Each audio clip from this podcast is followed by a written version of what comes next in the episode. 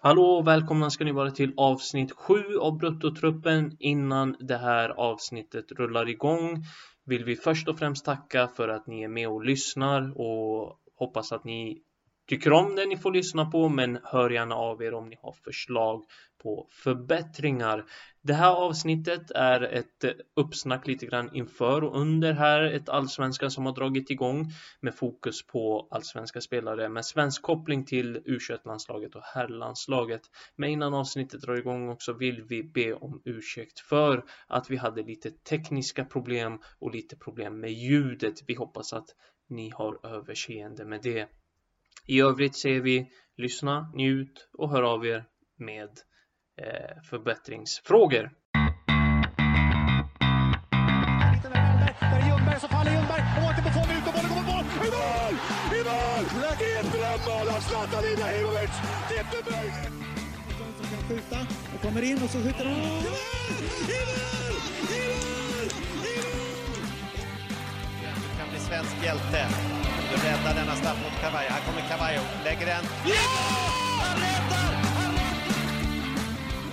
Ja, men då så, då hälsar vi er hjärtligt varmt välkomna till Bruttotruppen avsnitt 7 och eh, ja, det har varit en vecka där det har hänt väldigt mycket, inte minst med Super League och hela den kalabaliken där eh, 12 lag har gett sig in i en he het historia som ja, skrevs av lika snabbt som eh, den kom upp på tapeten och så har vi ju ett herrlandslag som har fått sina landskamper under EM-mästerskapet flyttade och de ska spelas i Sevilla och i Sankt Petersburg och så har vi ett damlandslag som har fått sin OS-grupp lottad där man ska ställas mot USA, Australien och Nya Zeeland. Men det är inte det viktiga här idag.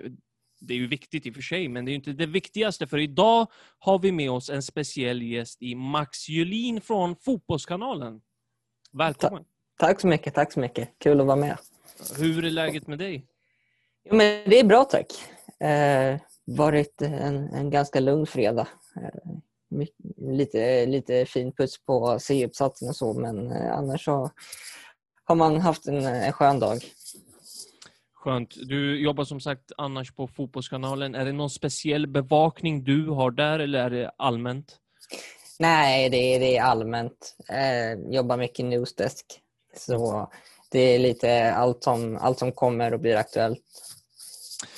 Kul att ha dig med idag som sagt. Och eh, idag ska vi fokusera på allsvenskan som eh, Max har bra koll på. Och fokus här ska vara på de svenska spelarna i allsvenskan som vi har pratat om tidigare, alltså både de som är aktuella för u landslaget och kanske är med i u landslaget eller på sikt kan ta sig in där, men också lite grann om A-landslaget, de aktuella spelarna där, men som eh, vissa spelare som eventuellt på sikt kan ta sig in där.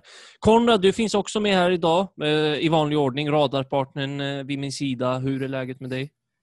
Jo, men det är jättebra. Eh, vi har fått komma igång nu med allsvenskan och fantasy och allting. Så eh, nej, men det är jätteroligt och eh, det ska bli spännande att höra vad Max har att säga faktiskt. För jag tror att vi kan nog ha lite olika syn på saker och ting allihopa här. Så. Mm. Eh, ja, allsvenskan är igång som sagt och tanken med det här avsnittet är att vi kommer ställa Max mot väggen. Nej, jag skojar bara. Eh, vi, vi kommer dra upp så lite generella frågor kring allsvenskan som vi ska bolla här tillsammans eh, med Max. Och sen så tänkte vi gå lag för lag faktiskt eh, och ta liksom spelare som är bra att ha med sig. Vi har ju två omgångar bakom oss och vi har ju tjuvstartat lite grann så. På det sättet har vi lite koll på har vi ju sett en del spelare, men, men det, det är ändå en del spelare som är värda att bolla upp ytterligare en gång. Liksom. Och där, därför har vi tänkt gå lag för lag. Men, men hörni, hur fan känns det att eh, allsvenskan äntligen är igång? Ja, det, är, det är underbart. Det är, det är det man ser fram emot på våren. Ju. Eh, nu, nu är våren på riktigt när allsvenskan är igång. Hur, eh, hur, mycket, hur nära följer du allsvenskan, Max? Är, är, det liksom, är det något speciellt lag eller är det eh, kärlek till hela serien? Eh, det är, jag följer väldigt nära. Eh, det, så blir det extra nära nu också med, med jobbet eftersom att eh, ja, det blir ju mer fokus såklart på, eh, allsvenskan. Det är vår liga liksom. Eh, jag, jag har ju alltid följt eh, Djurgården. Så det har varit en fin start på säsongen. Så, Ja, de har ju verkligen imponerat. Kanske det enda laget som inte bara har levt upp till förväntningarna utan spelat över förväntningarna kan man tycka. Ehm, det är som sagt en fortsatt en speciell allsvenskan vi har här, den här det här året. Det är ju ingen publik på plats ännu. Ehm, vi hoppas ju såklart att vi får publiken tillbaka innan, innan sommaren. Eh, man, man får ju vara optimistisk, tänker jag.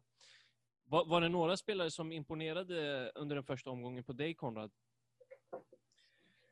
Ja, men, eh, eller inte första omgången i så fall, utan eh, över, över två omgångar så skulle jag, alltså andra, om, andra omgången var det lite mer logiskt och det var lite fler spelare som klev fram. Jag tyckte första omgången var det inte en enda anfallare som gjorde mål, förutom Micke Boman.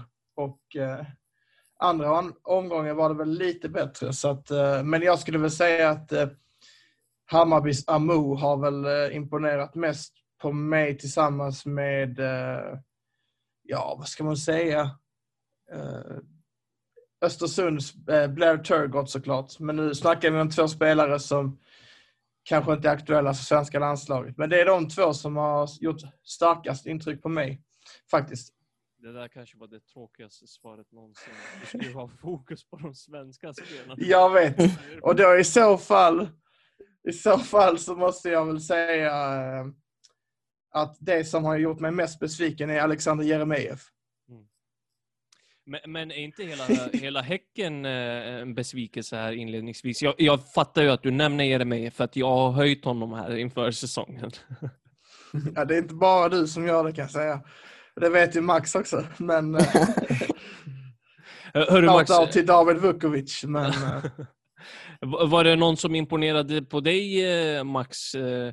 Och, och fokus nu på rätt spelare. Ja. eh, när vi bara ska se till svensk perspektiv så tycker jag att eh, Hjalmar Ekdal har gjort två riktigt bra matcher för Djurgården. Eh, och sen så såklart eh, Gustav Ludvigsson tycker jag har varit bra i båda Hammarbys matcher.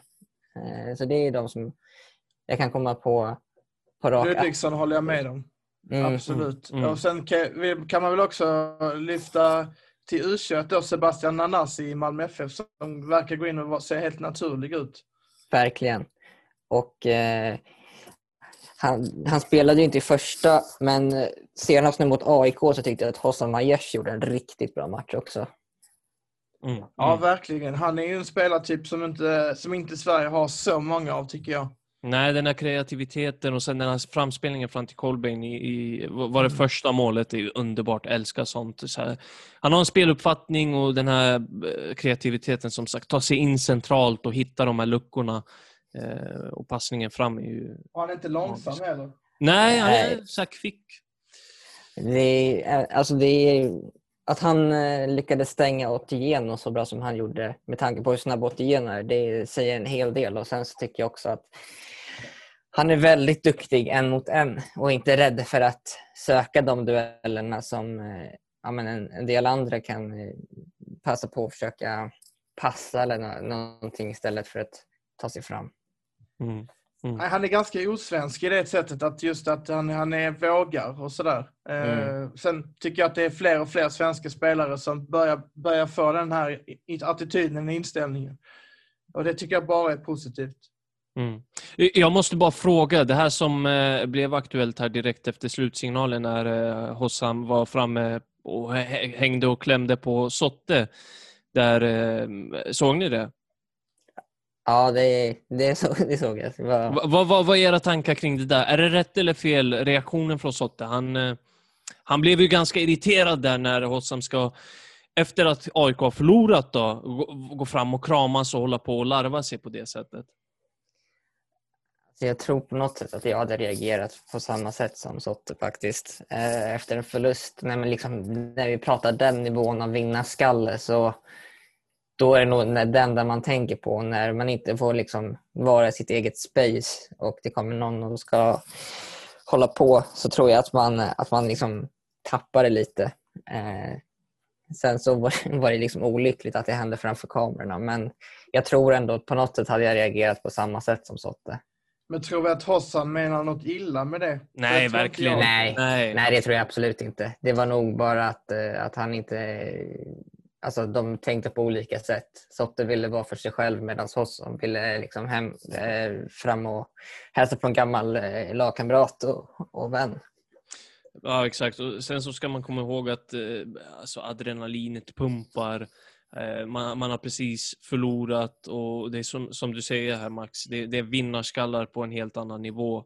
Eh, så eh, jag, jag tycker reaktionen är naturlig och att man gjorde det större än vad det faktiskt var. Men det är som du säger, kamerorna fångar ju upp det där. Mm. då ska det ju pratas om det. Eh, Jag det- tänkte faktiskt inte på den här aspekten att de är, är gamla lagkamrater. Det tänkte inte jag på i måndags. Och Nej. därför så, nu när jag tänker på det i efterhand så, så gör jag det ju mer konstigt tycker jag. eh, men i måndags så tänkte jag bara utifrån att det är AIK mot Göteborg. Typ.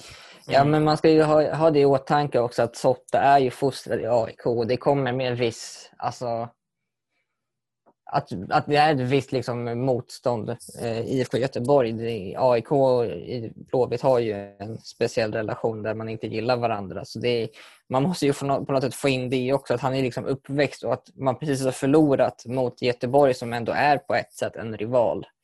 Bara det gör ju hela saken liksom så här värre också, sätter att förlusten svider mer. Mm, mm. Ja, absolut är det så. Men, men jag tänker att vi släpper den grejen där och eh, hoppar in direkt i, eh, eller fortsätter med, med, med den allsvenska starten och så. Eh, du, Max, vilka allsvenska spelare skulle du säga är närmast spel i A-landslaget utöver de som redan är med idag? Som Lustig och Seb Larsson och så. Oh, eh, bra fråga. Eh, jag skulle säga att jag tror inte att en sån som eh, Sotte är långt borta ifall ja, det skulle krisa på mittbacken. Eh, på sikt så är det ju klart att vi har liksom de som Dalho Randust och Leo Bengtsson som eh, känns ganska givna att de förr eller senare kommer vara med. Men eh, det fanns svårt liksom. Jag tror inte att det är någon som riktigt är jättenära landslaget just nu. Nej, jag, jag tror att jag och Konrad var inne på samma sak där. Va? Att visst, det, det finns en hel del kvalitet, inte minst ur de spelarna som man redan har i u landslaget och slussa in dem vidare sen i A-landslaget. Men, men jag tänker så här på rak arm, Konrad, har du någon som du hade slussat in direkt i A-landslaget? Eh, Mm, så. Nej, det tror jag inte, men, men eh, ja, vi kommer återkomma till, eh, till det här sen. Men jag tror att eh, baserat på förra året så tror jag att eh, en sån som, eller baserat på förra året, nu vet jag inte vad jag pratar om, men baserat på senaste, senaste åren menar jag, så tror jag att eh, Pontus Dahlberg kommer bli en A-landslagsmålvakt förr eller senare. Ja, jag Eh, håller med. Kanske inte nu till hösten, men eh, efter VM 2022 har jag svårt att säga att han inte han är en av tre. Konrad, du hade också några andra frågor som du ville bolla upp här med Max och tillsammans med oss liksom här. Eh, kring Poya Asbaghi bland annat. Eh, vill du köra, köra dem? Absolut. Eh, Först och främst tänkte jag kring hans spelidé i U21-landslaget som är något av en progressiv spelidé jämfört med många svenska tränare. Och eh, det är inte omöjligt att det blir någon form av revolution efter det. Eh, Vilka, vad tror du om det först och främst, eh, det jag säger om, om en spelmässig revolution i U21-landslaget? Nej, jag, jag tror definitivt på, på samma sak. Eh, jag tycker Puja är, duktig på att etablera en spelidé eh, och som du säger så är det ju rätt progressiv fotboll. Ehm, och sen så framförallt efter att liksom ha pratat med spelare som alltså förra året i Blåvitt eh, och sen med folk runt omkring Blåvitt så är det en tränare som är otroligt duktig på att alltså, utveckla unga, unga spelare. Eh, så bara den aspekten också tror jag kommer gynna u landslaget väldigt väl. Eh, Men jag, ja, men jag, jag är helt inne på samma spår som dig där, att, att det kan komma att bli någon, någon form av eh, revolution i u landslaget och eh, till det positiva då. Vilka spelartyper tror du kan få lida av det? Det är fan en bra fråga. Konrad väljer det negativa där snarare än att vilka, vilka gynnas av det, så väljer han vilka, vilka får lida. Ja, men jag, jag, tänker ju på, alltså, om jag får avbryta, så tänker jag på de här stora eh, och lite långsammare spelarna kanske får eh, svårare att ta sig in i u landslaget Ja, absolut, det tror jag också. Eh, Poja är väl ändå lite så att han, som du säger, progressiv fotboll, att det är liksom inte det klassiska svenska eh, alltid. Eh, vilket jag tycker är intressant att det inte är. Eh, och jag tror att sådana spelare, ja nu är inte, nu är inte han aktuell där, men eh, vi var inne på det förut att Hossam Aiesh är ju lite mer så internationell spelartyp och jag tror att sådana spelartyper kan gynnas väldigt mycket av eh, att ha Poja som tränare. Är, är inte, alltså u landslaget är ju alltid spännande, men känns det inte som att dagens u landslag med Poja vid rodret är mer spännande än någonsin? Alltså, här har du en tränare som, som du säger Max, kan få ut det bästa av yngre spelare, men som också, som ni redan har nämnt här, har en intressant spelidé, en spelande spelidé om man säger så. Och, och det tror jag att just de här, den här kommande generationen, om man säger så, i u landslaget där vi har sett ja, Jesper Karlsson tidigare, eh, Leo Bengtsson och sådana spelare som vi redan har nämnt här, eh, som både har varit med och, in, och har slussats vidare till A-landslaget, vissa är fortfarande med. De är ju sådana spelartyper som flyger under poja. Ja, verkligen. Och sen så tycker jag att på något sätt att vi mer, mer, mer än någonsin just nu har spännande unga spelare ute. Dels i Europa men sen också i Sverige. Eh, det känns som att den här kommande generationen bara i helhet är jävligt spännande. Eh, och eh, det, det dyker upp alltså, unga spelare titt som tätt tycker jag i ja, men, eh, andra divisionerna eller första divisionslagens, typ Manchester Uniteds eh, U-lag där ja, men en sån som eh, Elanga har eh, liksom verkligen blommat fram nu. Eh, så det känns som att det, det finns en hel del sådana där frön satta ute i Europa som bara blommar upp då och då. Och det är jävligt intressant för jag tror att nu mer än någonsin så tar unga spelare det här där klivet ut i Europa vid tidig ålder. Och det, det är lite den effekten man får också. Se typ Dejan Kulusevski, alltså visst, många visste att han var, eller kanske inte så många visste, men att han var i Atalanta och sen så ett lån till, till eh, Parma så var han given nästan i svenska landslaget ett år senare. Eh, och jag tror, inte, jag tror att vi kan få flera sådana eh, sagor eh, under de kommande åren. Mm, mm. Ja, precis. Just Äh, förlåt, ska Nej, du kör. säga någonting? Nej. Nej, men jag, eh, jag tänkte faktiskt spontant på det du säger med eh, spelare som flyttar utomlands. Och just nu verkar det bli en succésaga överlag. Eh, just att många ser det som ett bra recept att komma utom, utomlands. Eh, och, och, Belgien är egentligen det, det, enda undantaget vi har. men men eh, eh, håller du med mig om att det har hänt en liten skillnad där? Alltså att man känner att de flesta spelarna som är stora nu gick ut tidigt. Jag menar Isak Kulusevski, Zlatan var ganska tidig väl? Eller han var 21, eller? Ja, mm. något sånt. Ganska tidigt ändå. Ja, det tror jag definitivt. Jag, jag tycker själv liksom att det är en trend att, att unga spelare flyttar tidigare nu än, än vad man gjorde tidigare. Och Sen så tror jag att det beror på många faktorer. Dels att man ska liksom komma in i själva systemet och allting. Eh, ja, men ta till exempel en sån som Dejan Kulusevski. Då, att han flyttade till Atalanta. Där fick han redan i U-lagen spela sig in i lagets spelsystem så han kunde det eh, om han väl skulle ta klivet upp i, i A-laget. Eh, man, man får lära sig en helt annan typ av fotboll utomlands. Eh, det är en helt annan mentalitet utomlands alltså sett i omklädningsrum och sånt där. Och jag tror att många spelare liksom kan se eh, framgången som Dejan har haft och som Alexander Isak har haft och vill ta efter det. Eh, de blir något, på något sätt ett prejudikat att, att det kan funka väldigt bra att ta steget ut i tidig ålder. Sen har vi haft eh, massvis med spelare som har flyttat utomlands vid tidig ålder redan innan. Men eh, nu tänker jag först och främst på liksom, den kommande generationen. Mm. Ja, en intressant framtid vi har eh, här framför oss eh, för de svenska spelarna. Men hörni, jag tänker Konrad, om inte du hade någon mer fråga där så tänker jag att vi inte drar ut på det mer utan hoppar in direkt och tar det lag för lag.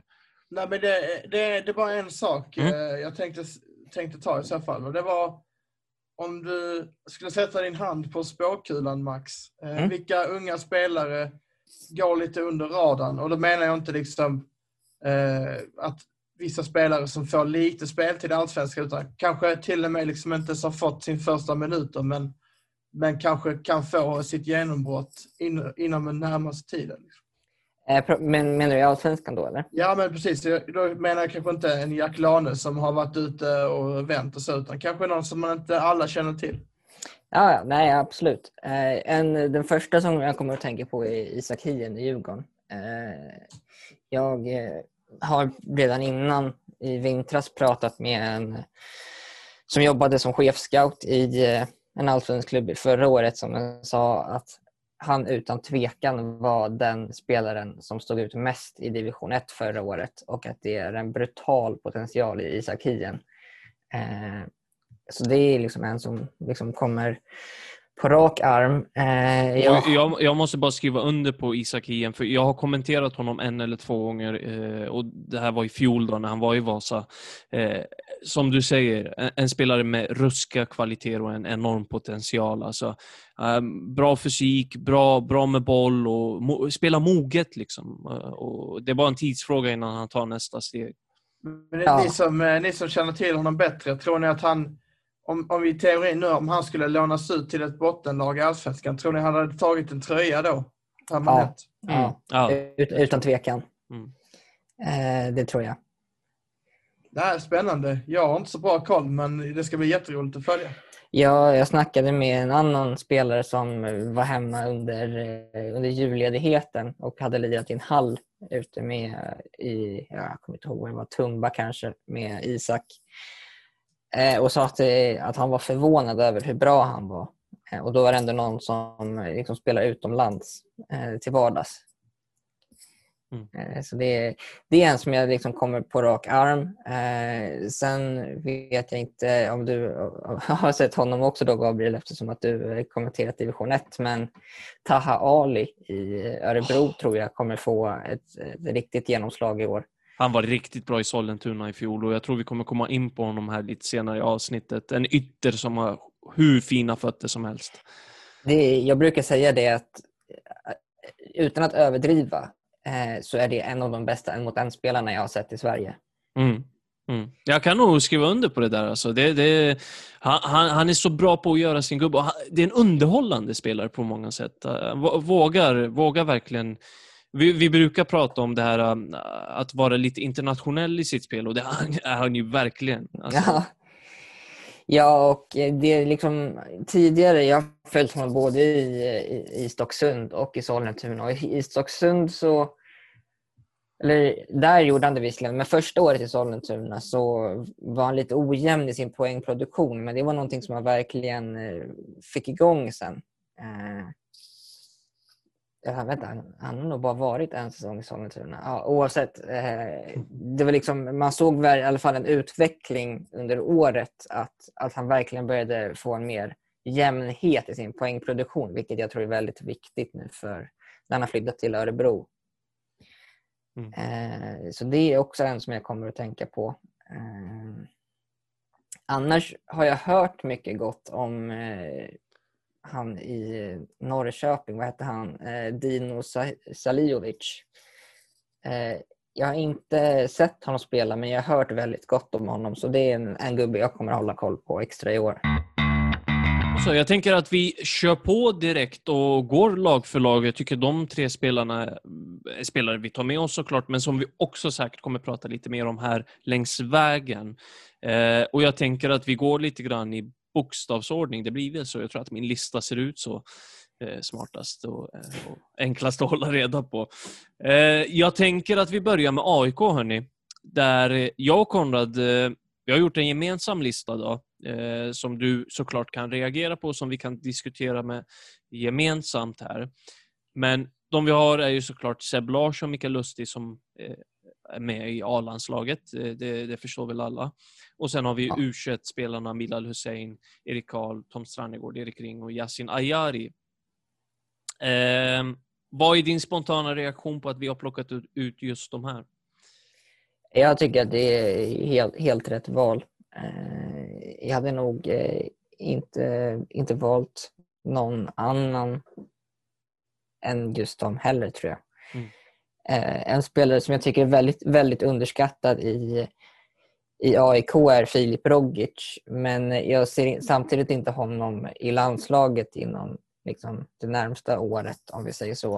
Eh, men annars skulle jag nog säga, utöver de som ni nämnde, är det nog den som är närmst tillsammans med Sotte. Mm, mm.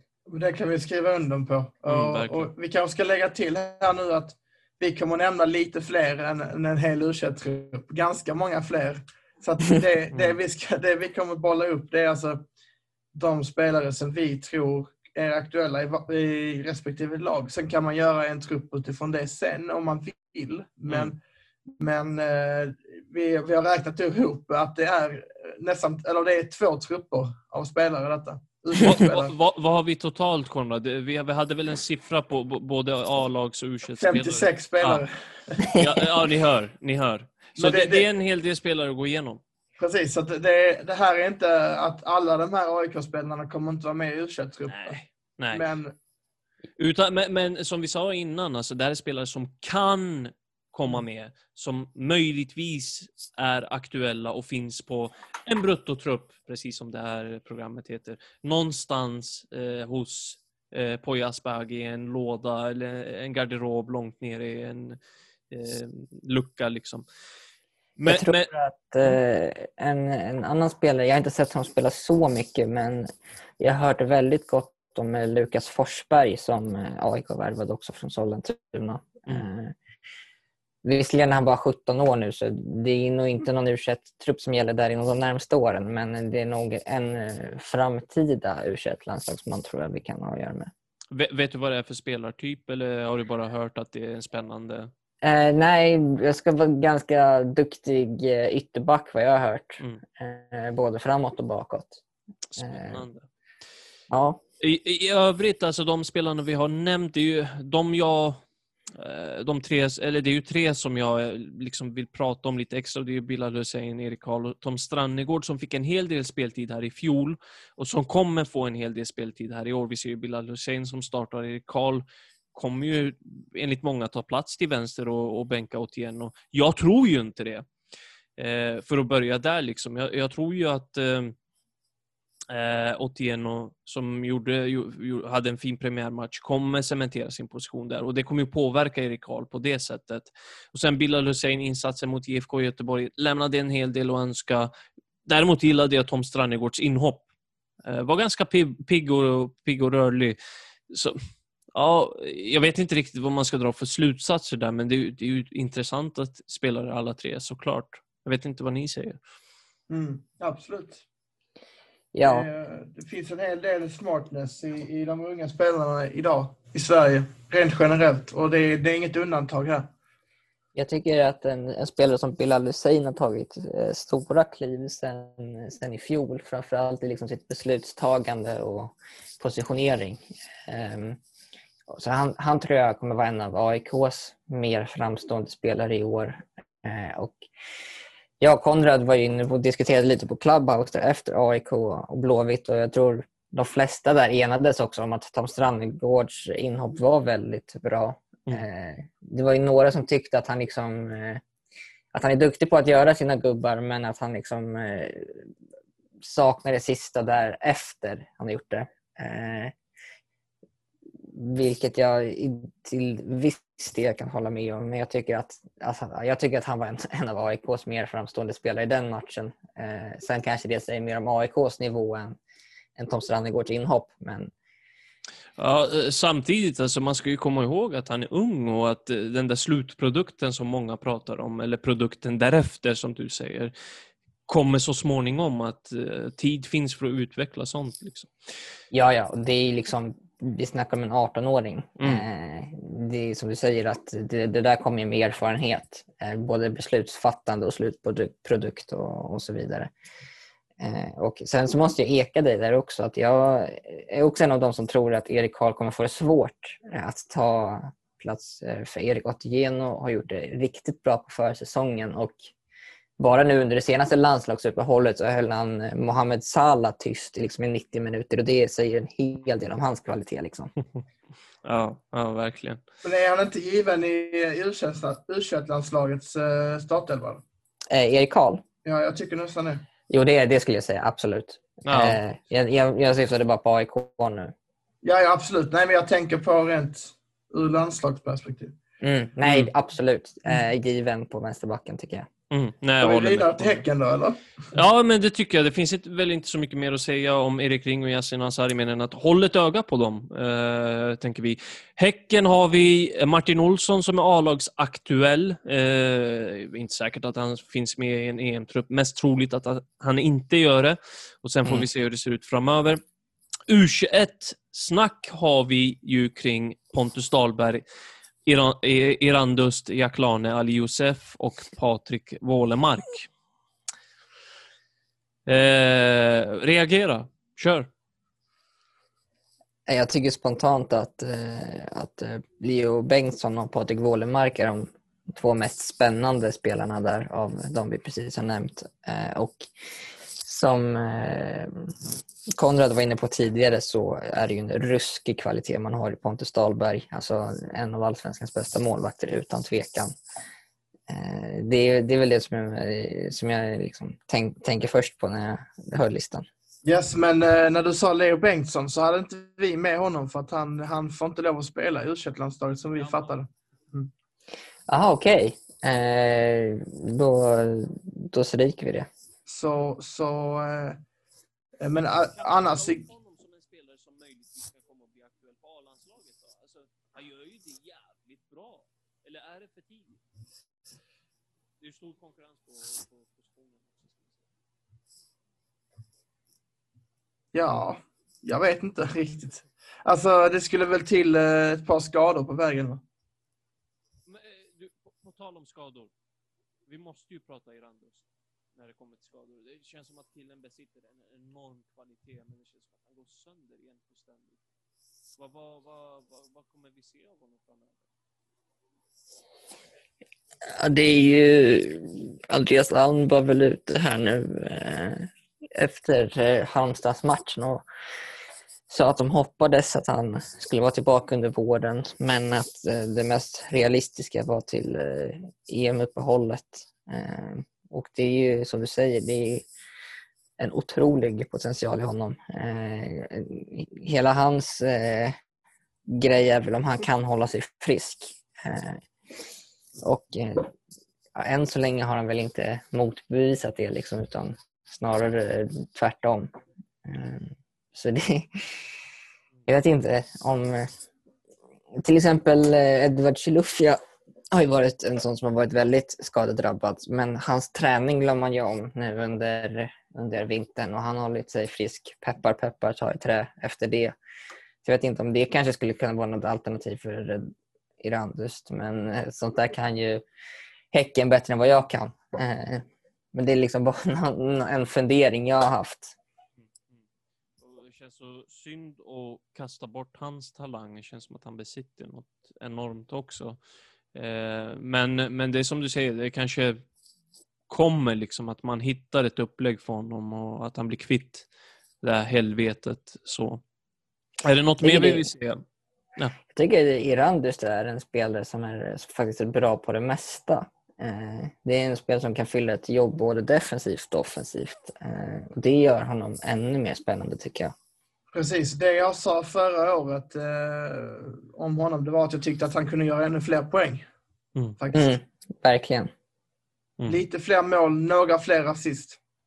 Ja, och då eh, om, om man skulle göra det så skulle han vara på mångas radar. Eh, vilket han förmodligen redan är nu, men ännu fler.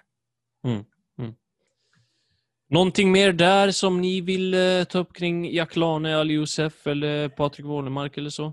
Jag tänkte precis fråga vad, vad ni känner kring Jack Lane. Det är liksom en spelare som har haft en väldigt stor hype runt omkring sig men inte riktigt levererat sen han var i BP. Man, man vet ju inte vad, vad man har honom riktigt alltså. Nej, vad, vad tror ni om honom? Han är väl i stort sett iskall just nu om vi ska vara helt ärliga. Men, eh, men han har ju alla förutsättningar när det kommer till fart men även att eh, driva bollen och så. Sen är det väl också lite som, eh, vi kommer återkomma till en annan spelare som, som har en annan liknande problematik, nämligen att slutprodukten verkar saknas nästan helt. Mm. Och det är eh, Felix Hörberg som vi kommer att prata om senare. Att eh, det, är, det ser fantastiskt ut i många moment och sen så tappas bollen eller så slås den bort på något sätt. Mm. Där, där, där tror jag att Jack kändes som att när han var i AIK på lån, det var väl typ 2019 va? eller 18. Ja, Då var, det var inte många eh, passningar som gick rätt liksom. Och, och Nej. på, på tal om spelare som kanske tar steget ut alldeles för tidigt, där har vi kanske ett klockrent Mm. exempel. Då. Eh, det är väl kanske det som har gjort att hans karriär har stagnerat. Eh, mm. Men, men. Släpper vi bäck, eh, bäcken, häcken där eller? Jag tänker att vi Ja, tar Degerfors, där vi har en spelare som vi har bollat upp som eh, jag vet att Konrad har pratat lite grann om, Adam Kalén. Eh, kör på, börja du. Ja, precis. Inte A-landslag utan U21. då. Fortsätt, ja. Eh, där tror jag att eh, Degerfors, han, han är ju han är ju en mittfältare som står för det här li, lite mer eh, återhållsamma, duktig spelfördelare och eh, lite mer av en... Alltså, han är mer defensiv än offensiv, men ändå inte defensiv, skulle jag säga. Mm. Men att han... På så sätt så blir han en ganska dynamisk mittfältare. Att han, jag kom fram till när jag satt och tittade på honom i slutspurten av Superettan förra året att han var lite grann som en nutida Albin Ekdal tyckte jag nästan. Men jag vet inte om det är för långt att gå, men, men just att inte allt för det offensiv, men ändå viktig i, i, ett, i uppbyggnadsspelet. Liksom. Mm. Jag tycker du drar en, en bra liknelse där. Han, han är väldigt stark i duellspelet på grund av sin storlek till exempel. Men eh, han besitter ju ändå fina kvaliteter sett till passningsspel och, och så vidare. Eh, så det, är- det är någon som jag tycker är, spännande att följa i Degerfors i år. Men det, han känns ju som en bra komplementspelare till ett u Att han, han kanske inte startar, men att, att eh, hans spelartyp är ganska tacksam att ha på bänken också i så fall. Mm, och eh, om man kanske skulle vilja spela någon, någon mer eh, offensiv eh, lagd spelare centralt så känns Carlén som en sån eh, som skulle kunna fylla det defensiva jobbet väldigt bra och, och Mm. komplettera upp det där eh, man, man kastar fram offensivt. Definitivt. Mm. Där känner jag mig nöjd med Degerfors. Hoppas ni också gör det. Eh, och så hoppar vi över till Djurgården. Som, eh, ja men där har vi ju dig Max med lite spetskompetens som jag förstår. där vi har plockat eh, ut en del spelare i U, eller med, med koppling till u då, och det är Joel Asoro, Hampus Findell, Isak Hien, Axel Wallenborg och Mattias Mitku. Eh, missar vi någon till att börja med? Eh, en som jag tror kan komma att bli aktuell, kanske inte i nära framtid men längre fram i alla fall, är Kofi Asare. Eh, det är eh, också en, en väldigt eh, internationell spelartyp som är ruggig i djupled och en mot en eh, och har spottat in mål i eh, Djurgårdens U-lag. Och han har ju blivit uppflyttad i år till seniorlaget. Eh, så längre fram tror jag att han är ett namn att hålla ögonen på. Eh, annars, av dem i, i, annars av dem i Djurgården så skulle jag nog främst vilja lyfta fram Hampus Findell som har eh, varit ja, en av Djurgårdens bästa spelare under försäsongen och eh, ja, nu början av allsvenskan. Eh, riktiga stora steg fram på honom. Känns som att man har hittat någonting där som funkar riktigt bra. Jag menar hela vägen från målvakt ända upp till anfallet, alltså mm, eh, backlinjen, mittfältet. Det känns som att det är balanserat på, på ett väldigt bra sätt där Hampus Findell är en viktig pelare i det hela. Mm. Och han är ju lite som vi var inne på med Carlén, att han är också en spelare som kan fylla ett jobb både defensivt och offensivt. Eh, Eh, och jag tycker personligen att han har en ganska underskattad eh, passningsfot. Eh, sen har inte han riktigt den rollen över Djurgården att, att vara någon man förlitar sig på för poäng. Eh, utan mer liksom att kanske balansera laget. Eh, men, Jag eh, tror att han kan få lida av sin speltid i u alltså innan han ska ta ut en u trupp faktiskt. Att eh, om han inte får spela, det vill säga. Men eh, Mm. om han får spela så absolut. Mm. Jag är helt enig.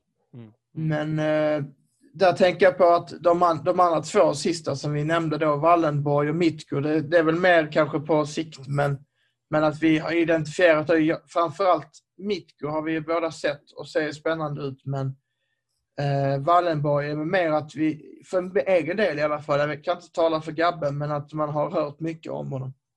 Mm. Ja, eh, och Eh, han hade ju otur nu som eh, åkte på en skada i andra träningsmatchen. Eh, och vet, han är väl borta några månader till, tyvärr. Så han är nog inte aktuell för ja, men, de nästkommande u trupperna utan han måste väl liksom komma igång lite efter rehaben och så först. Men Mitsko gillar jag eh, riktigt mycket. Det jag tycker att han kanske kan behöva är att bygga på sig lite muskler och eh, utveckla också sitt beslutsfattande ibland. Eh, beslutsfattandet har blivit bättre bara sedan i fjol och går verkligen framåt. Eh, fysiken kan jag dock tycka att han blir lite för enkel att putta bort i, i närkamper ibland. Mm. Känns som att vi pratar eh, ganska lite eller ingenting alls om eh, Asoro. Hur kommer det sig? Han är väl också ganska iskall just nu, precis som Jack Lane. Fast att det, det kan, gå, kan gå från att han är iskall till att han blir en av de bästa i Allsvenskan. Ja. Ja, alltså Joel Asoro har ju en sån enorm potential. Eh, hela, hela, proble- hela hans problem är ju att han knappt har fått spela på ett och ett halvt år. Eh, han, alltså där snackar vi definitionen av frysbox som han satt i Genoa. Mm. Alltså han, han var ju typ inte uttagen till en enda trupp och spelade inte en enda sekund. Eh, Men eh, som Konrad var inne på, att det är ju en spelare som bara kan explodera och vara en av allsvenskans bästa enligt mig. Eh, Det är ju en ruggig spelare att, att möta och jag tror att när han väl kommer igång, han har ju varit ute eh, i Djurgårdens kanaler och pratat lite om kring hans status och att han känner att han fortfarande inte riktigt är, är där han vill vara men att han, eh, att han är på god väg. Jag tror att han sa 70 procent senast jag hörde. Ehm, och jag tror att han är någon som kan eh, utmana eh, om, om platserna där fram i Djurgården, absolut. När, när han väl är igång. Och där har ju Djurgården också någon, eh, en perfekt ersättare ifall man skulle sälja Edward Chilufya i sommar. Mm. Eh, ja, känner vi oss nöjda med Djurgården där? Så Ja. hoppar vi över till Bayern och rappar på lite grann. Tiden flyger iväg. Vi har eh, fyra spelare där. Michael Lado, Aymar, Che- eh, Aymar eh, Axel Sjöberg, Oliver Dovin. Är det, alltså spontant, jag, jag har ju sett några av de här i ettan också. Eh, spelar ju en del med HTFF. Jag, jag, faktiskt senast i helgen så var ju Michael Lado med där. Och han besitter ju en...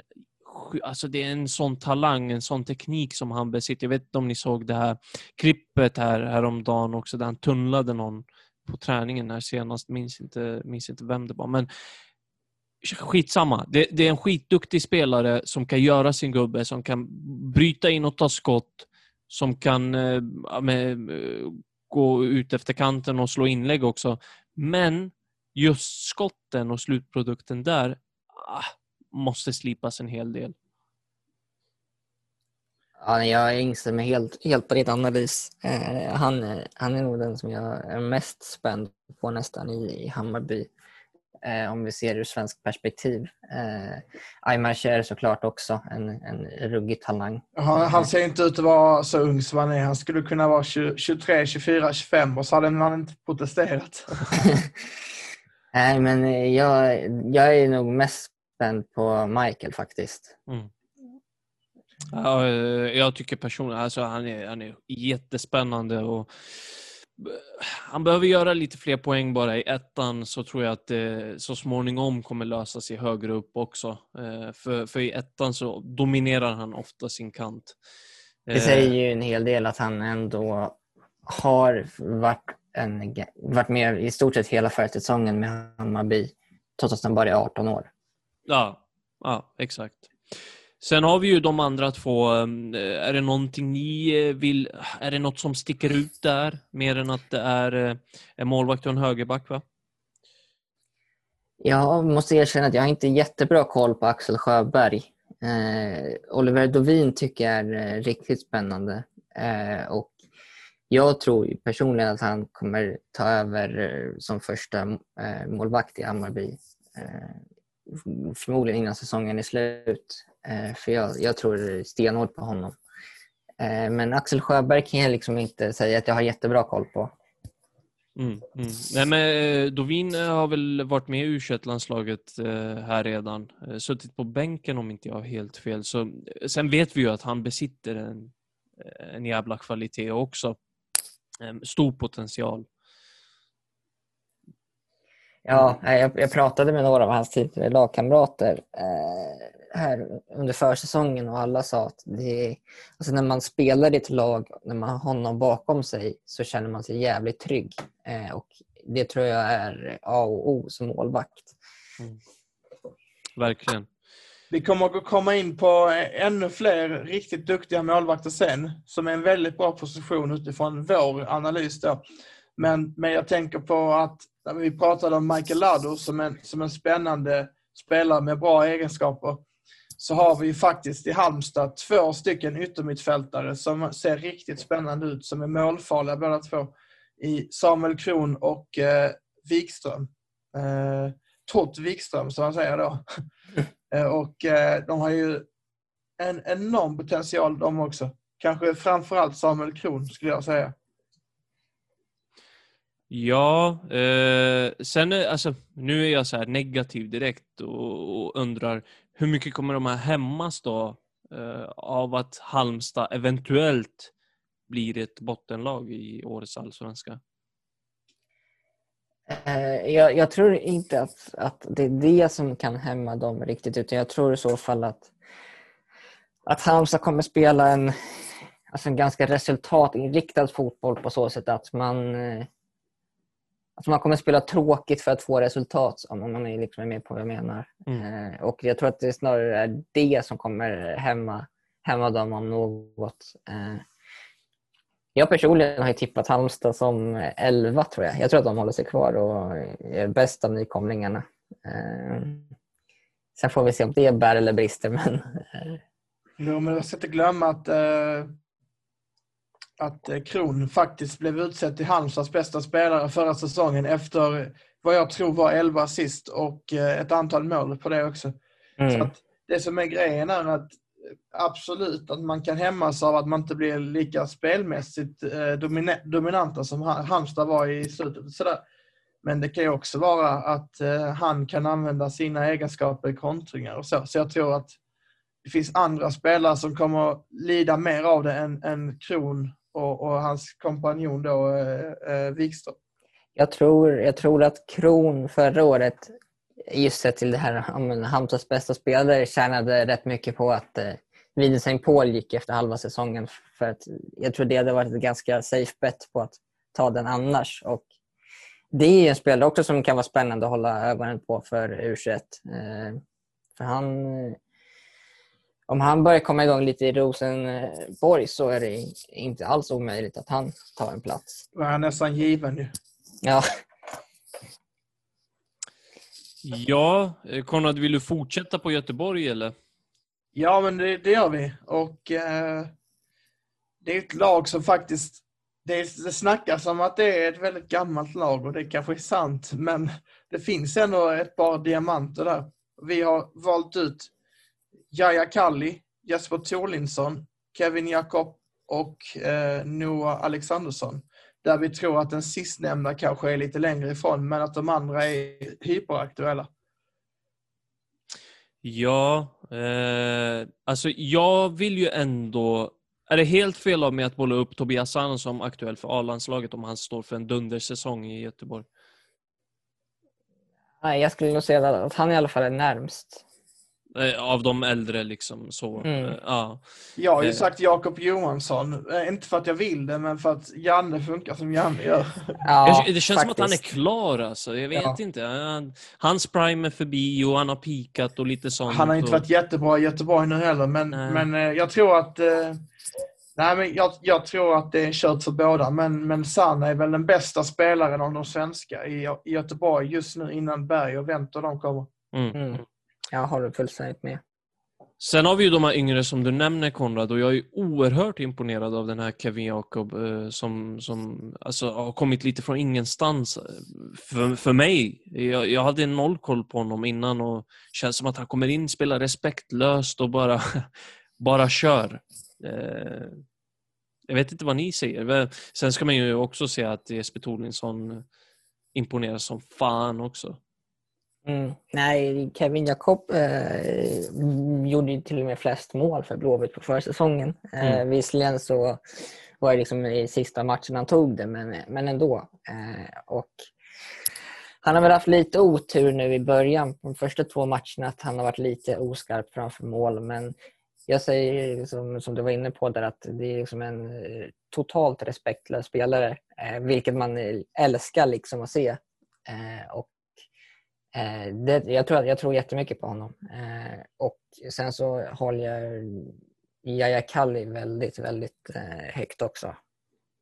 Men det finns kanske en anledning till att Malmö FF släppte honom till sin värsta rival. Ja, men eh, jag, jag har hört att, eh, att det var lite strul där kring kontrakt och sådär och att Malmö i slutändan ville ha kvar honom. Eh, men då hade han det liksom redan gjort klart med Blåvitt.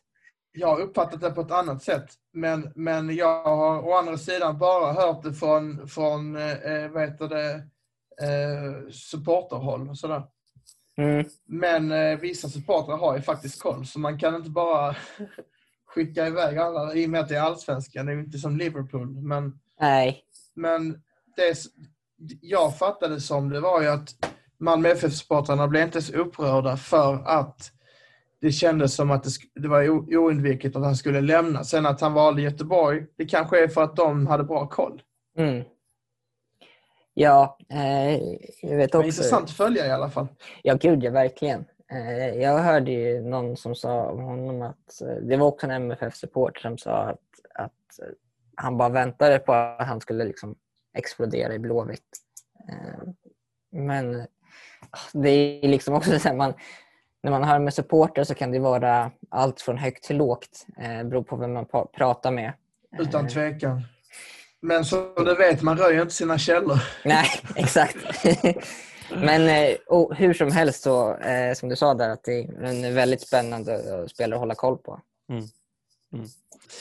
Något mer vi vill säga om de här innan vi kör på Peking? August Erlingmark. Han är 98 va? Ja, förlåt. Ja, Annars hade han ju varit given i truppen. Men det känns som, eh, lite grann som att han är så här, e- evigt ung, att han eh, har varit ung, eller är yngre än vad han är kanske. Varför vet jag inte, men jag har också den känslan som, som du har Max, att så här, han är väl fortfarande runt 20, tänker man. Ja, alltså han ser ju jätteung ut. det, kan, det kan vara det. Men jag håller inte med er helt, för jag känner ändå att han, han har väl gjort en... Alltså jag skulle inte förvåna mig om han har gjort 100 matcher i Allsvenskan. Nej, ja, det, är Nej, sant, jag- det är fan sant alltså. Jag tror han är inne på typ sin femte säsong eller något i A-laget med Blåvitt. Mm. Ja, men eh, kanske på sikt för A-landslaget, vem vet? Vi har i alla fall IFK Norrköping där eh, vi har plockat eh, fram eh, Linus Wahlqvist som också är en spelare på sikt kanske för A-landslaget, men också Theo Rask, Dino, Dino Sahilo- Salihovic, eh, Karl Björk för u landslaget Det var ett Eh. svårt namn va? Ja, fan. Det Dino Sa- Salihovic. Jag satte den. Jag satt den. Eh, ja, eh, eh, kör. Vad, vad tänker ni? Nej, jag, jag, jag tycker alla är spännande spelare. Den jag sett mest av det är väl kanske Karl Björk som jag tycker eh, har sett riktigt bra ut. Ehm, Dino Salijovic har jag bara hört om och eh, de har sagt att, det är någon som verkligen kan komma och liksom, eh, överraska i år om han liksom får spela. Eh, så där vet jag inte riktigt vad man ska förvänta sig men det är i alla fall gott man har hört. Mm. Theo Rask har ju fått en hel del speltid i ettan med Sylvia. eh, Där jag vet att han har gjort över 60 matcher för klubben. Man har ju ett samarbete där, Norrköping-Sylvia som ni säkert vet. Och eh, det är också en spelare att hålla koll på. Jag menar, han är bara 20 år gammal eh, och är intressant. Men, Här lägger jag mig platt och säger att det här, jag har ingen koll på de här. Eh, Men du har i alla fall koll på Linus Wahlqvist som du vill lyfta. Jo, men absolut. Jag tror att eh, hans... Eh, nu har han börjat spela lite som mittback, vilket jag tror talar emot honom. Men som högerback så finns det finns ett par andra högerbackar som också kan bli aktuella nu när vi ser att Lustig kommer att eh, antagligen att steppa tillbaka här efter EM och eh, en Emil Kraft som inte ens kunde se okej ut mot Estland. Så att jag menar, det finns alla möjligheter där. Ja, då är det illa alltså. Men, ja. Men vad tycker du? Alltså, tror du också att Linus kanske, kanske skulle kunna bli aktuell eller är han lite för långt ifrån? Nej, men jag tror definitivt att han kan bli aktuell. Eh, inte bara för att han besitter en hel del kvalitet, men lite också han gynnas ju av att det, det, vi, det kryllar ju inte av spelare på högerbacken eh, i det svenska landslaget och det tror jag kan öppna upp för honom sen. Sen kanske det, det bara mm, är bra för honom. Det kanske får honom att ta nästa steg om han nu skulle bli kallad och, och så småningom slussas in. Vad vet jag liksom. Vad, vad, vad ser du om Max som eh, Wahlqvist? Nej, jag, jag e-, ekar nog er att, att det finns en möjlighet där. Eh, Det är väl typ egentligen högerbacken man tänker mest kring. Så här, vad väntar efter Lustig? Eh, Emil Kraft har ju tagit... Alltså, visst, han är den som står näst i tur, men jag tycker inte att han har tagit speciellt sina chanser när han väl har fått dem. Eh, och eh, det kan ju tala emot honom om det är någon som presterar bättre till exempel. För en, om Lustig går ut så lär ju någon komma in för att täcka upp bakom Kraft. Och om den spelaren gör det bättre så tror jag att Kraft kan ligga illa, illa till. Mm. Mm. Och sen om det är Linus Wahlqvist eller inte, det, det återstår att se. Men Ja. ja, definitivt en möjlighet. Vi har flera högerbackar så vi kommer återkomma till sen. Mm. Spännande. Eh, vi rullar vidare till Elfsborg där vi har eh, u spelare i form av Tim Rönning, Jakob Ondrejka, Ahmed Kasem. Och den sis- sista där vill jag stanna vid lite grann. Eh, och Max, du förstår ju säkert varför. Han spelade ju i Motala i fjol i division 1, ettan som det heter numera. Han är eh, ung, han är 17 år gammal, fyller eh, 18 här i juli och gjorde hela fyra mål och sex assist i ett Motala som ramlade ur förra året. Och eh, ah, det är en intressant spelare alltså. Eh, gör man 10 poäng, eh, alltså gör man fyra mål och sex assist i Motala som ramlar ur ettan som 17-åring, då finns det bara, bara mer att hämta. Jag, kollade här på förbundets hemsida nu. Han gjorde också 19 starter. Mm. Eh, vilket, vilket är rätt eh, galet när man ser till hans ålder. Eh, jag måste erkänna att jag inte sett honom spela så mycket men jag vet att när man ringde runt och hörde när han eh, skrev på för Elfsborg så var det liksom väldigt mycket eh, optimism där. Och nu när man, hör, när man hör dig prata om det så förstår man liksom varför också. Så det är, jag hoppas att vi får se någonting av honom i Allsvenskan i år. För det hade varit jäkligt kul. Eh, om, om vi pratar kring de andra två som ni nämnde där så Timmy Rönning var ju eh, kanske Allsvenskans bästa målvakt i fjol. Eh, riktigt, riktigt bra. Eh, nu eh, har väl han haft en skada som han är tillbaka ifrån, eh, men han har ju gått direkt in i startelvan så det säger ju en hel del om eh, hur given han är i Elfsborg. Och eh, Ondrejka är jag inte heller så här superinläst på, men eh, där kanske ni kan fylla i. Vad har du på honom, eh, Konrad? Han är en väldigt, man säger, han- är väldigt, han gillar att utmana. Så, alltså det är lite, lite Jesper Karlssons oro, liksom, eller vad man säger. Att han, att han gillar det här med att, att eh, ställa frågor till försvararna hela tiden och så. Sen, sen vet jag ju om att eh, det, det är väldigt mycket förhoppning på honom från Elfsborgs sida. Eh, men jag tror inte han är aktuell just nu, men, men att en skada på Alm eller på någon annan i Elfsborg skulle ge honom en ordinarie tröja och då tror jag att han skulle kunna bli aktuell för att han, han liksom Jesper Karlsson kanske behöver ett år eller två innan det släpper. Sen tror jag inte att han kom, säger inte att han kommer bli lika bra. Men, men det finns en liknande ettrighet och sådär. Så att där ser jag en jättestor potential och inte bara för att han är skåning såklart. Utan det, det spelar in men eh, ja. Nej, hörni, på, på tal om, eh, jag tycker det låter jättespännande med Ondrejka, men, men det här jag, när jag pratar om Ahmed Kassem och när jag och du pratar Max om Taha Ali, som vi kommer prata lite mer om här så småningom, och Isak igen. Jag tycker att det är så eh, otroligt talande att med tanke på pandemin och hela den här biten, att ek- den ekonomiska biten är sämre hos de allsvenska klubbarna och att man har tvingats handla i ettan, så är det talande för hur mycket kvalitet det finns i den divisionen. Eh, Jag menar, det är ju hur många spelare so- som helst som har tagit steget upp till eh, allsvenskan från ettan och där man gjorde en bra säsong. Jag menar, ta här Simon Karlsson Ajay som gjorde mål för Varberg eh, i helgen. Han gjorde över 20-25 mål i Assyriska IK. Mm.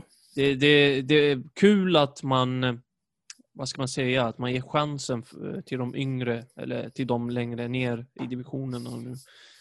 Eh, så något positivt har eh, coronan eh, fört med sig. Ja, nej men det är liksom... Här i Stockholmsområdet så har det liksom... När man pratar med folk som kanske inte är liksom så här jätteflorerande i media så pratar, har det alltid pratats mycket om liksom att, att det finns en jättestor kvalitet i ettan. Eh, vi har ju liksom haft Vasalund och, och så. Eh, men det har ju verkligen blivit tydligt för hela folket, om vi säger så, nu eh, under corona. Och det är ju en hel del spelare som värvades därifrån som redan nu skulle kunna gå in och göra ett bra jobb i Allsvenskan. Eh, och det, även fast det är ett stort steg mellan divisionerna så säger det eh, mycket kring hur, hur mycket kvalitet som finns där i ettan. Mm. Mm. Ska vi eh, gå vidare till Kalmar FF eh, där vi har eh, flera spelare som eh, Nils Fröling, Isak Jansson, Noah Shamoun, Carl Gustafsson och Elias Olsson. Och jag vill gärna börja med den spelaren jag nämnde först, där eh, Nils Fröling, som jag har trott väldigt mycket på, inte minst inför fjolårssäsongen. Som jag, så jag tycker att han är så himla spännande. Och, och Det känns som att han har varit med ett tag och att han har kommit upp eh, i åldern, alltså åren lite grann. Men han är ju bara 21 år gammal. Och han fyllde faktiskt år för tre dagar sedan. Sjukt att man har koll på det. Men, eh, men eh, vad, vad, vad säger vi, till att börja med, vad, vad säger vi om Nils Fröling? Konrad? Jo, jag är ju en ivrig följare av internationell fotboll och eh, det var många som ställde sig vem eh, Froling var i den här, eh, när, när de skulle nominera folk till Golden Boy.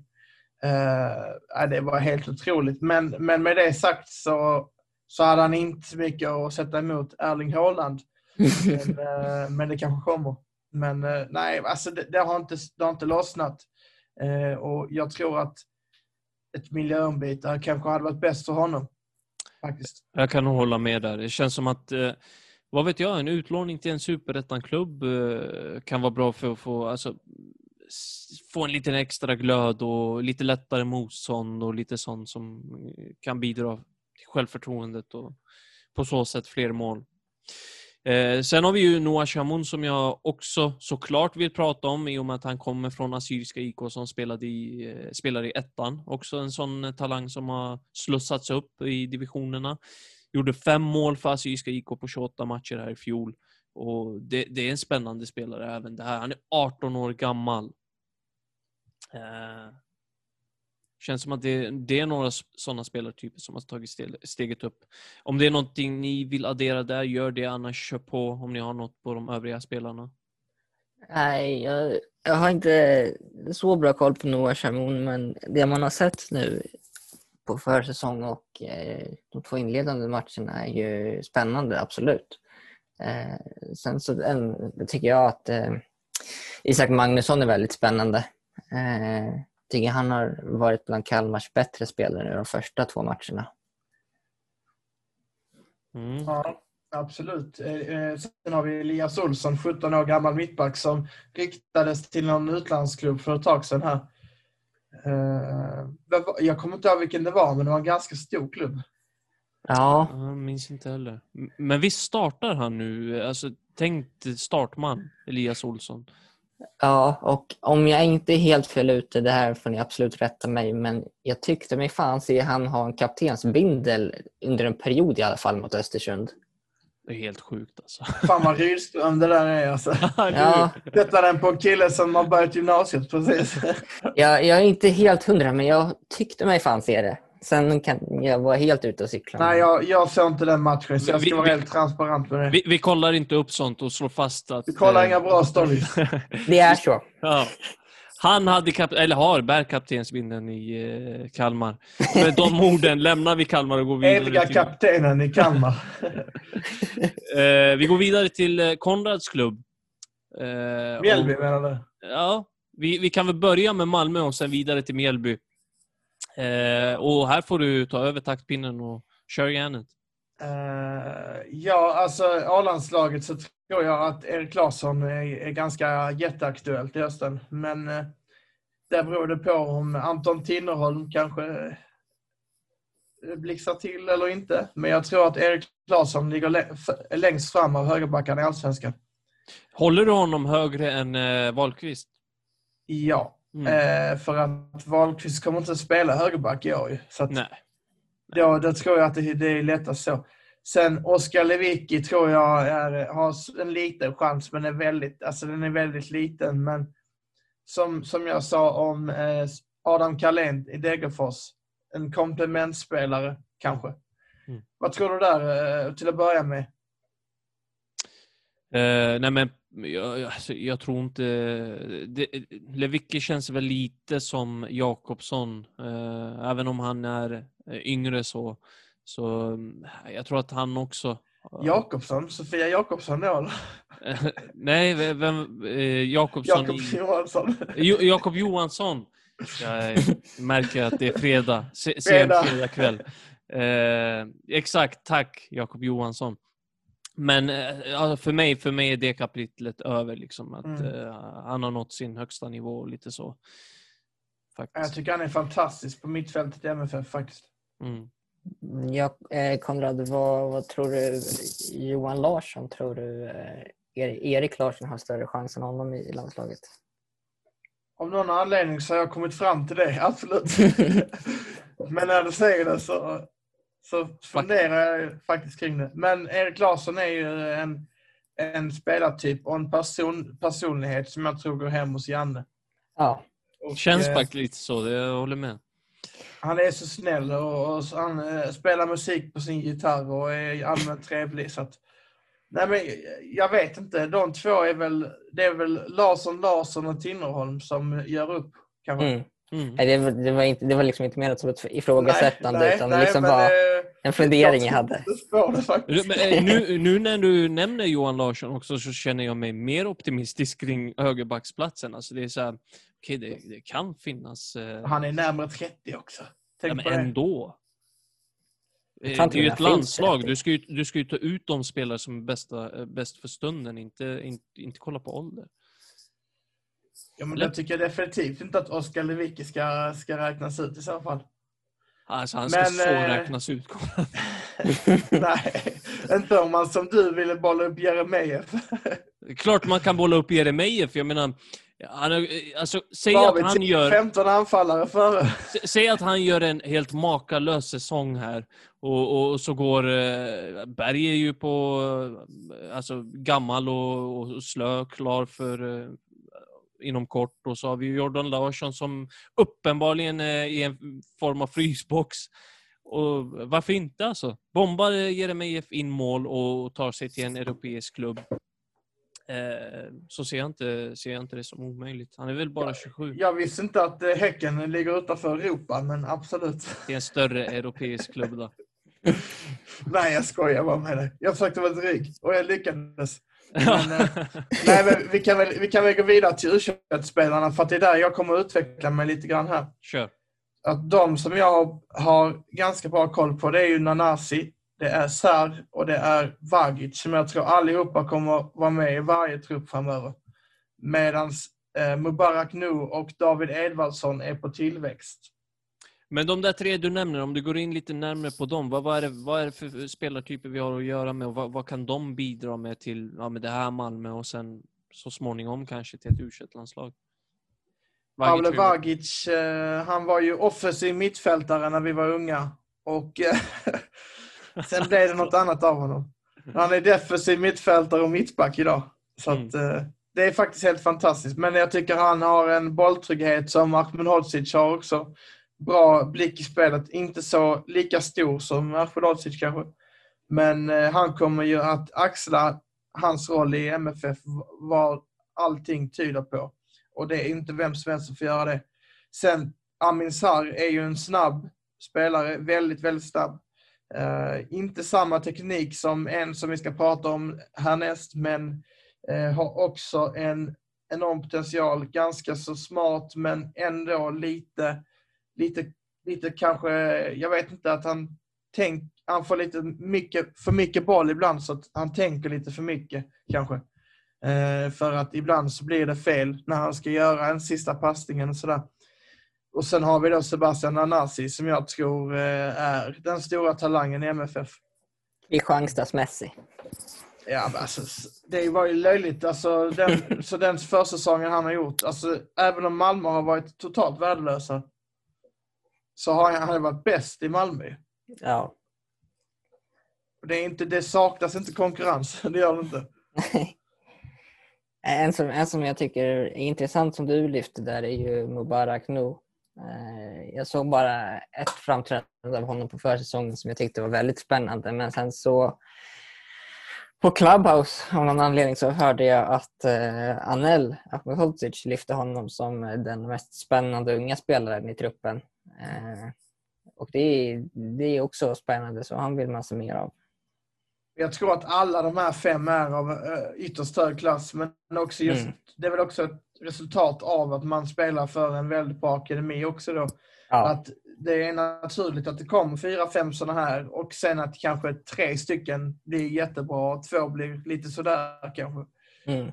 Vi ser vilka det blir, men jag, jag ser ju faktiskt eh, Amin Sarr som en liten varningsflagg den här säsongen. Det, det snackas mer om honom än Nanasi, men han har inte visat lika mycket tycker jag. Det var 18 matcher i Allsvenskan förra året. Jag tyckte inte han gjorde så mycket intryck. Mm. Mm. Eh, du får gärna fortsätta på Mjällby där med tanke på att det är dina klubbar. Ja du. Eh, vi har ju faktiskt tagit ut fyra spelare som, som är av en sån talang att man skulle kunna bli aktuell. Men att ja, som, som det ser ut just nu så är det bara en av dem som, som faktiskt kommer att bli aktuell på grund av speltid. Och det är ju Samuel Brolin. Men jag kommer också nämna tre andra spelare som, som är i en sån ålder att de har ett par år på sig. Och det är Ludvig Kalius, det är Adam Petersson och det är Taylor Silverholt. Eh, och där tror jag inte att någon av de tre är aktuella just nu, men det är tre spelare som eh, tillhör den eliten när det gäller unga spelare under 20, tycker jag, i Sverige. Sen att det finns väldigt bra anfallare, mittfältare redan, absolut. Men det finns en eh, internationellt snitt i vissa grejer som de gör. Speciellt Adam Peterssons, eh, som är lite av en städgumma, men som gör det med finess. På tal om eh, respektlösa spelare så hörde jag en historia om eh, när Ludvig Kalius gjorde sin första träning i, i Helsingborg. Då eh, kom han upp och tryckte till folk ut, utan att tänka två gånger. Exakt så det var en av dem väl? Ja, jag tror det. Jag tror Martin Olsson också var en av dem. Ja, Bara, det, det gillar man. Fan vad fet du är!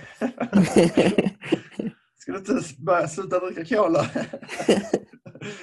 Men hörru, eh, Taylor Silverholt eh, trodde du väldigt mycket på och eh, du trodde väl på honom som... Tror, tror då. Eh, men du trodde på honom som startman, det ser inte så ut.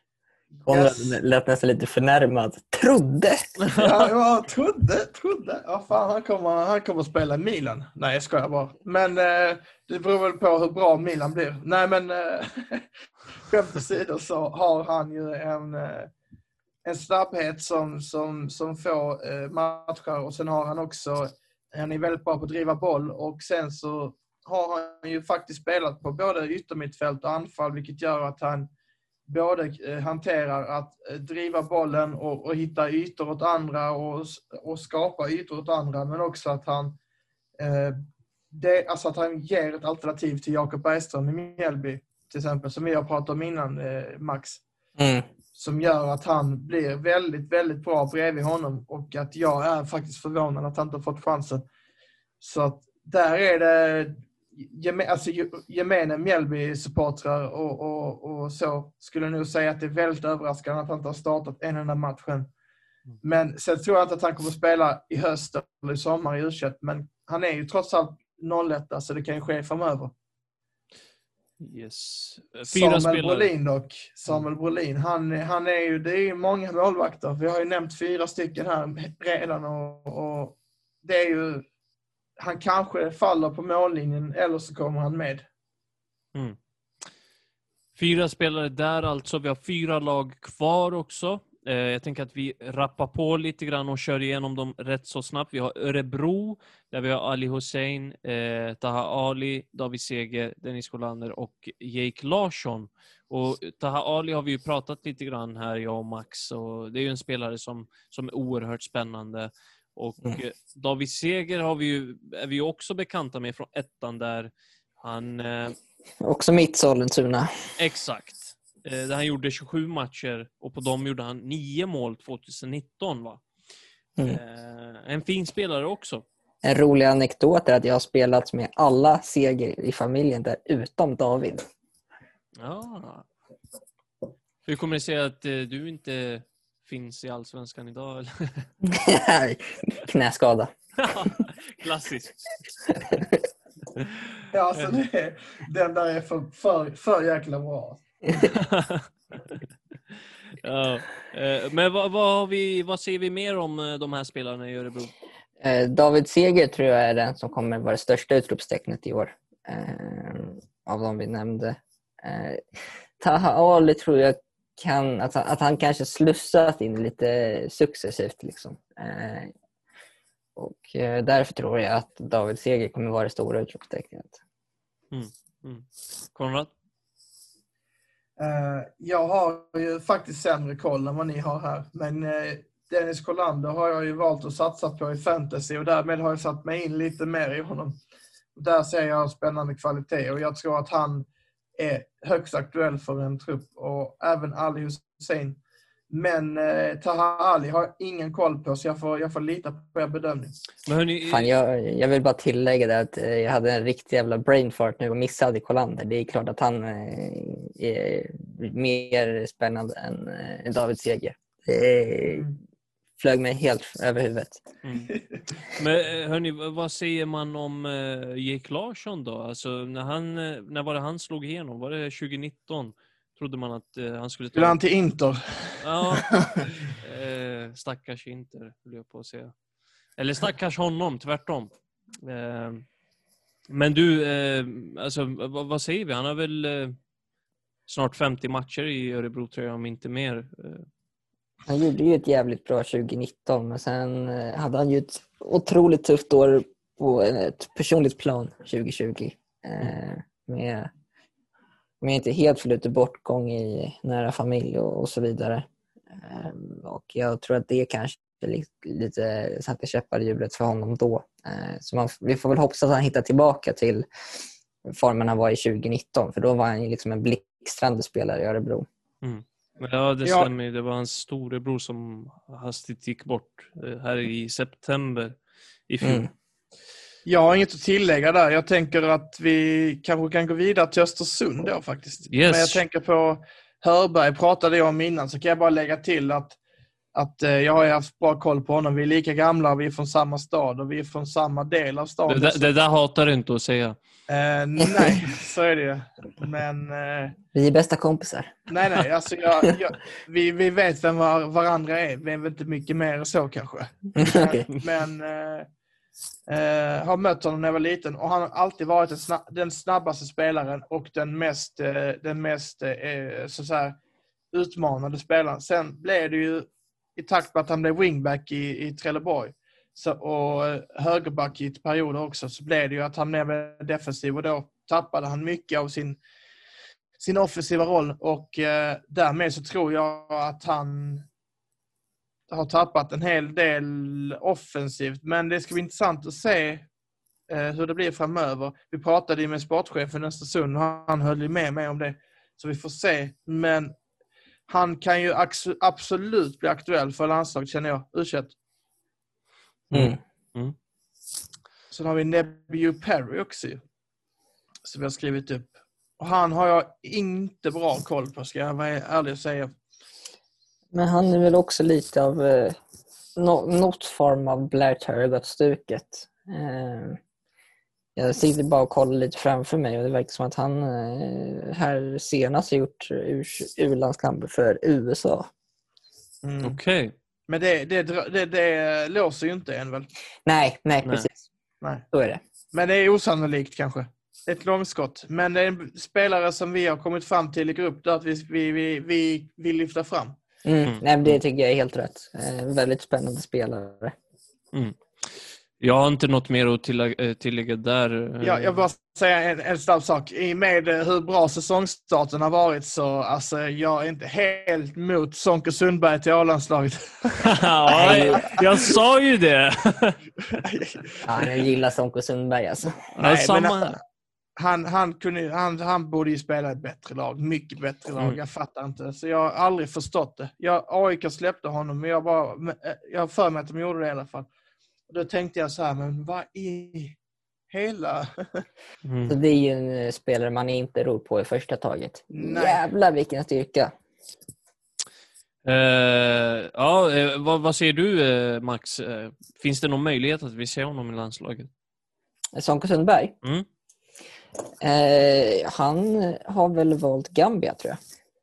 Mm. Ja, det kan fan stämma. Var, var det inte någon ungdomsgrej eh, grej Ja, det är kanske därför vi inte skrev upp honom. Ja, vi, har ju, vi har ju faktiskt förberett detta ganska bra innan. Mm.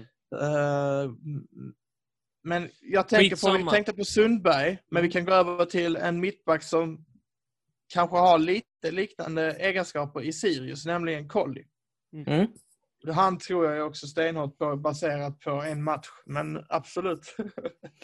Alltså jag tycker, sett till Colly så säger en hel del över hans talang hur hypad han var i Chelsea. Att han var kapten för U23 och, och så vidare. Det är liksom en klassgubbe. Utan det enda han måste göra är liksom att komma igång, e- enligt mig. Han, han hade väl inte spelat någon seniorfotboll alls innan han nu kom till Sirius va? Nej, han hade väl en liknande situation i Kevo som Mm. mm. Azor hade i Genoa, tror jag. Känns som att de två verkligen, verkligen kan explodera eh, om de får, alltså hamnar här i rätt miljö, får den speltiden de behöver och så. Eh, Ja, han och eh, sen Jamie Roche tycker jag också är jävligt spännande i Han har också skrivit upp ju. Så att, eh, Mm. nej, men vi Mm. kan väl eh, köra en liten eh, övergång till honom då. Mm. Och vad tycker ni där? Nej, också en jävligt spännande spelare. Han tror jag att vi kommer se i u förr eller senare. Mm, riktigt bra defensiva kvaliteter och eh, eh, nej, honom håller jag högt också. Ett fräsigt namn också. Ja, Mm. riktigt, riktigt nice. Faktiskt. Eh, nej, jag har inte mycket mer att addera där egentligen. Jag har inte superbra koll på honom så. Eh, däremot har jag bra koll på Joakim Persson som eh, är spännande i Sirius. Jag tror inte han kommer få så jättemycket speltid här i år. Eh, men, men han finns ju med i matchtruppen och så, var utlånad till IFK Luleå i, flol, i fjol. Eh, och det är en spelare som, som, eh, som har näsa för mål, både kan göra sin gubbe, gå i djupet och, och är spännande på många sätt. Liksom. Så Joakim Persson har också en sån talang att följa. Mm. Och eh, Jakob Ortmark har ju varit eh, väldigt eh, spännande, men han eh, är 97 Mm. Han, han är ju för gammal så, men eh, Mm. definitivt alltså. Eh, betyder inte att man inte ska ha koll på honom. Nej. Eh, var det någon mer du ville nämna där Konrad, eller vill du gå vidare? Och vad tror ni om eh, Axel Björnströms chanser för landslaget på sikt? Bättre lag, så absolut. Mm. Jag kan inte säga något annat. ja. Det är en spelare jag tror eh, landslaget verkligen skulle kunna gynnas av den spelartypen. Mm. Fantasy-gubbe. Känns som att han skulle kunna gå till Köpenhamn eller Midtjylland typ. Verkligen. Eh, håller helt med om det. Okej, men sista klubben. Då har vi faktiskt en spelare som eh, hade ett lite tråkigt öde eh, efter premiären. Det är Albin Mörfelt. Han eh, missar väl ett bra tag nu av fotboll, som det verkar. Men annars är det ju en bollsäker spelare som, som gjorde sin kant eh, delvis eh, en, en liten stund mot Mjällby faktiskt i första halvlek och såg riktigt spännande ut. Mer än så vet inte jag. Han gjorde tio mål i fri också. Ja, det här är en, eh, alltså det är en bollsäker mittfältare som, som kan spela ytter liksom så. Eh, han har magisk vänsterfot, bra spelförståelse och också så här eh, kreatör på det sättet. Eh, synd som du säger. Fan vad synd att han ska gå sönder. Född 2000. Alltså, ja, Varberg eh, hade nog önskat eh, annat. Mm. Simovic till landslaget. Eller får han raka sig först? Jag vet att jag pratar väldigt mycket om fris, fris, frisyrer nu för tiden, Max. Men jag måste göra det för att det ser inte bra ut. Alltså. Nej, det där, det där går inte hem hos mig. Det där får... Eh, om det finns en minusskala på Aftonbladets plusskala så, så använder vi oss av den här. Men eh, då har jag också skrivit upp Viktor Karlsson och där får jag också lägga mig platt. Är det, Ja, jag som har skrivit upp honom? är det jag som har skrivit upp honom? Japp, det är du som har skrivit upp honom. Ja, vad ironiskt att jag också lägger mig platt då.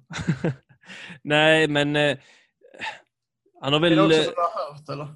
Ja, men jag tror det, för nu är det lite blankt och det är som du säger, det var ett litet tag sedan man skrev upp den här listan, men det, det är väl också en ung förmåga i Varberg att hålla ett litet extra öga på, eh, som kanske nu kommer axla den här rollen när Albin eh, Mörfelt är skadad. Eh, sen får vi se, det, alltså, det är ju svårt i ett Varberg, Mm. årets Varberg. Men, men mer än så vågar jag inte säga egentligen. Jag, jag får, eh, eh, jag får eh, vänta med det. Han är Jag från Kungsbacka, precis som mäktiga Mikael Boman och Jeremejeff. Vilka spelare? Herregud. Det är Kan något i vattnet i Kungsbacka. kan bara bli bra. Jag tycker, jag tycker när vi har gått igenom det här så tycker jag att det finns många spelare som precis ligger över det här U21-strecket som, potential, som har potential för, för ett landslag i framtiden. Eh, Men eh, eftersom, jag tycker fortfarande att vi har hittat mycket spännande U21 också. Eh, ja, det där var ju alla lag i hela allsvenskan och det var över 50 spelare som vi har sagt. Och jag vet inte, det, det känns som att det är en hel del att hålla koll på. Jag hoppas att ni har fått en eh, liten guide för vad det finns för spelare där ute helt enkelt. Och, eh, är det något ni känner att ni vill skicka med lyssnarna här innan vi avslutar för dagen?